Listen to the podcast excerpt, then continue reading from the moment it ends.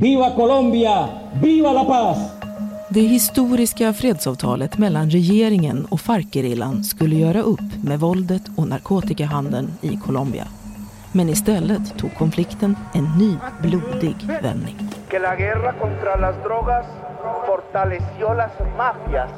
På en kvart får du veta varför kokainproduktionen i Colombia är större än någonsin och hur knarket ger bränsle åt den svenska gängkonflikten. Ja, vår analys är ju att eh, Sverige sannolikt har blivit ett transitland. Det är måndag den 23 oktober. Det här är Dagens Story från Svenska Dagbladet med mig, Erika Treijs.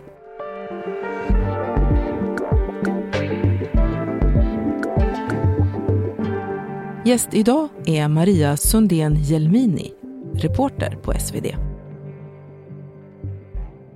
Maria, det snackas mycket om gäng och knark i dessa dagar. Och du, du har ju grävt djupare i det här och åkt till Colombia där mycket av kokainet kommer ifrån som faktiskt landar då i Sverige. Precis. Kan du berätta? Jag har varit i en region som heter Chocó som ligger i eh, västra delen, västra hörnet kan man säga av Colombia. Det är en eh, väldigt otillgänglig region, väldigt mycket regnskog, väldigt dåligt med infrastruktur. Det finns en flygplats, men annars eh, är det i princip på floden El Atrato som man, man färdas. Den här floden är en enormt viktig eh, transportrutt för de kriminella väpnade grupper som helt och hållet styr de här små samhällena ut med floden. Och med styr så menar jag att de kontrollerar livet helt och fullt för de boende i byarna, näringsidkare i staden, politiker och så vidare.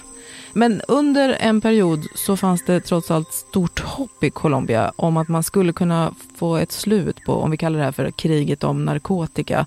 Eh, vad säger du om det? Ja, man skrev ju ett fredsavtal 2016 med eh, den eh, största gerillan Farc. De que decimos fuerte y claro, no más guerra. Military planes flew over the crowd and Santos declared that the war was over. No más la guerra.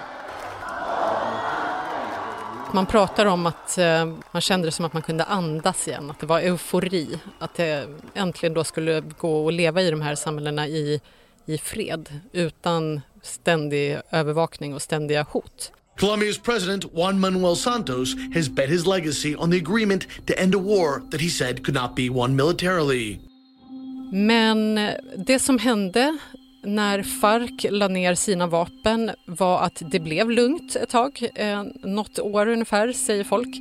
Och sen tog väldigt snabbt eh, nya väpnade grupper över i eh, ofta blodiga konfrontationer. Eh, och nu verkar det som att det är en grupp som är störst och som har segrat på många ställen och den heter Gulfklanen.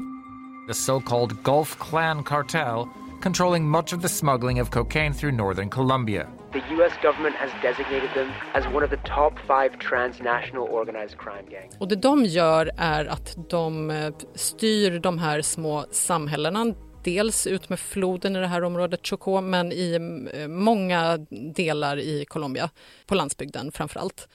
Men de här människorna som bor där, hur, hur är det för dem när Gulfklanen regerar? Ja, men man kan säga att de kontrollerar i princip livet totalt i de här samhällena. Det handlar om att man har utegångsförbud efter klockan sex på kvällen. Man eh, lägger ut minor runt omkring i byar och, och samhällen för att stoppa andra grupperingar att ta sig in. Ja, det är försvinnanden, det har varit massakrer, man eh, hotar och dödar människor som jobbar med mänskliga rättigheter till exempel. They told her to stop her political activities and threatened to return. Med miljöfrågor. En viktig intäktskälla är illegal gruvdrift som man har i den här floden också. Där de här grupperna framförallt tar ut skatter av de som bedriver gruvdriften. Det låter, det låter som att det är laglöst i princip. Var det så ja, du uppfattade det? Exakt. Det var också det som hände då lite efter den här freden med Farc. Man, man kan säga att det var ungefär likadant även då. Men det, det, folk hoppades då var ju att efter det här fredsavtalet så skulle staten på olika sätt då bli mer närvarande i de här regionerna. Liksom att polis och militär skulle komma dit, eh, eh, myndigheter, organisationer och så vidare. Men ingenting hände. Mm. Eh, så att det är lite som du säger, att det är i princip, eh, det finns ingen, eh, inget rättssystem som fungerar i de här områdena. Det finns det är i princip ingen statlig närvaro. Mm. Den polis som finns är också oerhört korrupt. Men något som också hänt är att kokainproduktionen i Colombia växt jättemycket de senaste åren. Hur, hur kommer det sig? Dels så hänger det ihop lite grann eh, med eh, fredsavtalet och att man då lovade att man skulle sluta bespruta de kokaodlingar som finns i landet.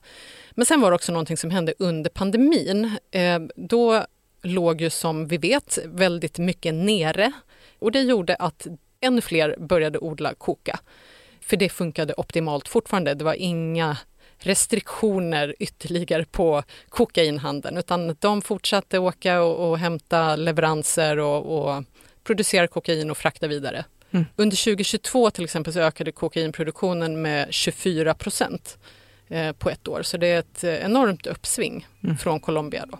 The United Nations says Colombia has broken its own record for cultivating coca, the main ingredient of cocaine. Men man har sett ungefär samma utveckling även i, i Bolivia och Peru som också odlar coca. The highest figure in two decades. Och den här utvecklingen då som du beskriver i Colombia, den har också en direkt påverkan på Sverige va? Det kan man säga. Ungefär hälften av det colombianska kokainet går via Ecuador som har blivit någon sorts hubb. Mm. Eh, det fraktas väldigt mycket grönsaker och frukt, mycket bananer till Sverige och svenska hamnar. Eh, och då är det väldigt smidigt att eh, kasta in lite andra laster i de här containrarna också. när vi påträffar de här beslagen. I maj 2021 kallar Tullverket till presskonferens under våren har man gjort rekordbeslag av kokain i Helsingborgs hamn. Och det vill säga här är det alltså kokain som ligger eh, gömt i det här fallet i väggen. Då. I containrar utrustade med lönnfack har man hittat svindlande 870 kilo kokain. Och Tullverket visar stolt upp filmen där man plockar isär väggarna i containern och lyfter ut kokainet. Detta är alltså inifrån en av de aktuella containrarna. Mängden kokain överskrider med råge efterfrågan på den svenska marknaden och tullen konstaterar att Sverige med stor sannolikhet blivit ett nav för internationell kokainsmuggling. Eh, Helsingborg de gjorde många stor, riktigt stora tillslag, eh, flera ton. Eh, och det de berättar är att efter det här så tog det stopp helt och hållet. De har inte hittat ett gram sen de hade den presskonferensen. Så tesen är då att någon, någon lyssnade på det här, de som faktiskt Precis. distribuerade knarket till Sverige och Helsingborgs hamnar? Precis. Och nu fortsätter man att hitta mycket kokain, säger de, men inte i Helsingborgs hamn. Utan att de här grupperna då har hittat andra hamnar som är i det läge som Helsingborg var förut. Det vill säga med få kontroller, låg bemanning, dåligt skalskydd så är det lätt att ta sig in utifrån och så vidare. Och, och sådana finns det i Sverige? Sådana finns det. Mm. Men har Sverige blivit ett transitland då eftersom det kommer sådana enorma partier med knark just hit? Precis, det är det man har sett att det här är så Eh, det här är så enorma mängder så det är ingenting som, som svenska partyknarkare skulle kunna använda upp utan eh, Sverige ligger ganska bra till ändå geografiskt. Det är lätt att ta sig vidare med, med färja eller Öresundsbron som är nere i Europa och, och mm, Europa ligger öppet. Det här är en av Tullverkets absolut största beslag av kokain någonsin. Men, men varför har just svenska hamnar blivit målet för de här kokainexportörerna? Man kan väl säga att det egentligen handlar om att andra hamnar har blivit mindre optimala. Man har ökat eh, kontrollerna i Rotterdam till exempel som, som ju fortfarande har problem med, med införsel. Men det här har gjort att eh, de kriminella grupperna har letat eh, nya och andra hamnar. Eh, så vi pratar eh, miljardbelopp. Men, men hur påverkar då det, allt det här inflödet som vi pratar om den gängkonflikt som trots allt nu brinner där ute? Vi upplever dödsskjutningar och bombningar och annat. Hur hänger det här ihop? Ja, man kan ju säga att eh, de här grupperingarna har olika intäktskällor. Men kokain är en stor och viktig del. Eh, så att den här försäljningen är på så sätt bränsle i konflikten, just att den, den genererar väldigt mycket pengar. Mm. Sen har också polisen sett att eh, de här olika grupperna faktiskt samarbetar när det handlar om att köpa in stora partier till exempel. Mm. Men har å andra sidan väldigt tydliga områden där de verkar. Mm. Och där är det ju stenhårt vem som kontrollerar vad. Vill man då eh, som individ sälja lite i någon annans område så gäller också då att eh, köpa av rätt grossist om man säger, som man också då betalar någon sorts avgift till.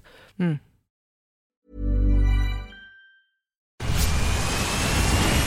Where's that dust coming from? Still finding debris after vacuuming? Eufy X10 Pro Omni Robot Vacuum has 8,000 PA of powerful suction to remove debris deep in carpets. And it's totally hands free. Want to know more? Go to eufy.com. That's EUFY.com and discover X10 Pro Omni, the best in class all in one robot vacuum for only $799.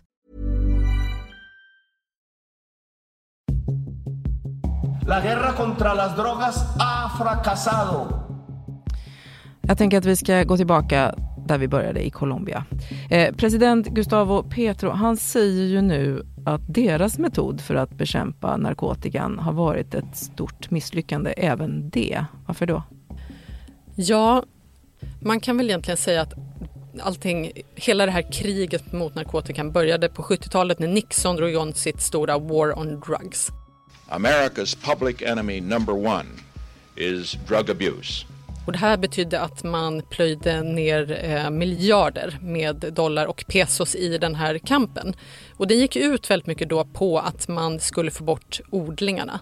Det man har sett är ju helt enkelt att det inte hjälper utan att eh, konsumtionen har ökat varje år, produktionen har ökat varje år. Det dödas eh, tusentals personer eh, varje år i det här narkotikakriget, både i Sydamerika, Mexiko framförallt kanske just nu, men också då som vi vet även i Sverige och Europa. Och det då den nya presidenten Gustavo Petro menar är ju att det går inte att bekämpa den här typen av handel med, med vapen för det är så stora krafter bakom det här. No necesita de guerras, de armas. Necesita que todos construyamos una mejor sociedad. Ett annat jätteproblem är ju att de här grupperna rekryterar intensivt i de fattiga områden som Chocó till exempel. Mm. Det är ju deras stora skräck, familjerna där, att barnen, tonåringarna ska söka sig till grupperna. Och då är de plötsligt den enda arbetsgivare i princip i regionen som kan betala en, en okej okay månadslön som ger dig en mobiltelefon. Som också ger dig en viss trygghet dessutom mot det här våldet och påtryckningarna och hoten som, som ständigt är närvarande. Mm. Så det, det, presidenten då menar är att man behöver rikta in sig på eh, fattigdomen, eh, ekonomi, jobb, utbildning i de här områdena. Men du Maria, det låter ju också som det du beskriver har likheter med precis det som vi i Svenska Dagbladet skriver till exempel om i våra extra utsatta förorter och sådär med gängen och vad, vad som bör göras. Och... På ett sätt så, så kan man ju säga det att det handlar ju om vad man då ser för möjligheter med sitt liv. Ser man inga andra möjligheter än att eh, eh gå med i de här grupperna då är det det man kommer göra. Mm. Eh, så att man måste väl, man måste helt enkelt ha alternativ. Mm. Och just utbildning, utbildning och jobb, det är sånt som i princip helt saknas då runt i, mycket på landsbygden i, i Colombia, men som ju finns i Sverige att tillgå. He previously served as mayor of Bogotá and is a vocal supporter of social justice. Men, men du, Gustavo Petro där, presidenten, eh, han är väl också rätt kontroversiell. Precis. Eh, det han har sagt flera gånger är att han vill avkriminalisera kokaodlandet, kanske i första hand, men även kokainanvändandet. Han pratar väl framför allt om att man skulle göra det i mindre skala, kanske på, på vissa platser. Eh, men han har också pratat om, diskuterat möjligheten att faktiskt legalisera kokainet i en framtid. Han har inget stöd för det här, vare sig i sin egen kongress eller i någonstans resten av, av Latinamerika. Men eh, det finns de i hans regering som tycker att det är en, en bra idé. Mm. Men du Maria, till sist, hur skulle en sån förändring kunna påverka inflödet av kokain i Sverige då? Ja, det blir ju spekulationer, men det man kan tänka sig är ju att eh, priserna kommer rasa kraftigt. Eh, skälet till att det är så dyrt med kokain nu är ju inte egentligen för att det kostar mycket att producera råvaran utan det är ju att det är så riskfyllt att hantera eh, kokainet helt enkelt. Mm. Så man kan ju dels tänka sig att eh, den riskpremien försvinner. Och samtidigt kan man ju tänka sig då att eh, är det fler och fler som börjar odla så kommer ju priset gå ner och då kommer färre odla om man tänker sig vanlig marknadsekonomi. Men det kommer ju definitivt bli ett, ett kraftigt inflöde i Sverige.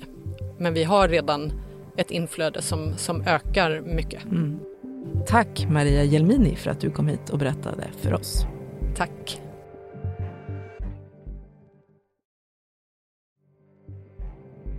Producent för dagens avsnitt var Moa Larsson, redaktör Stina Fischer och vill du komma i kontakt med oss så mejla till dagensstory.svd.se.